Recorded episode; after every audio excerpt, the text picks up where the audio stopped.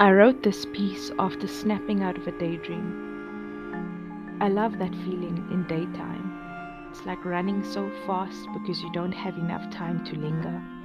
You lose your one shoe, but you hurry along because you need to see what's on the other side of this feeling that should be reserved for nighttime.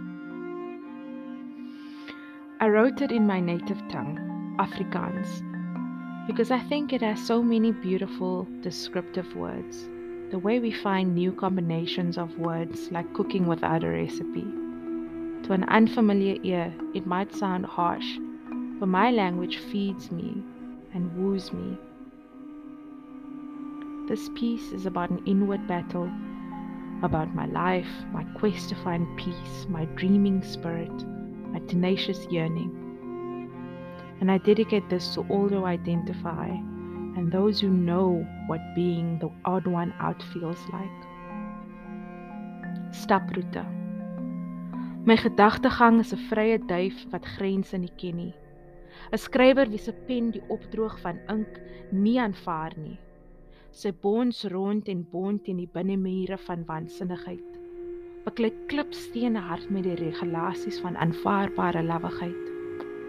Van weet besluit hase is mal as konyne spring en val op die oordromme van reuse wat my drome bestorm.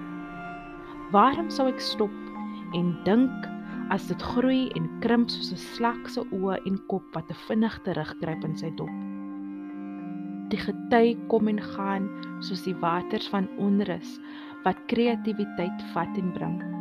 Skulpies rol rond op die strand van verlange soos die meeu in halsing. Normaliteit is soos die skoolvisse wat skielik besluit om rigting te verander.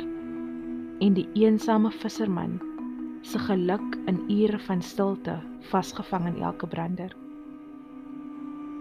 'n Paar minute van wat anders sien as 'n dwaling in my denke, as 'n leeftyd in wêrelde en dimensies van my geliefde siege. Eerens ver weg roep iemand my naam. En ek is terug waar ek eensaam staan.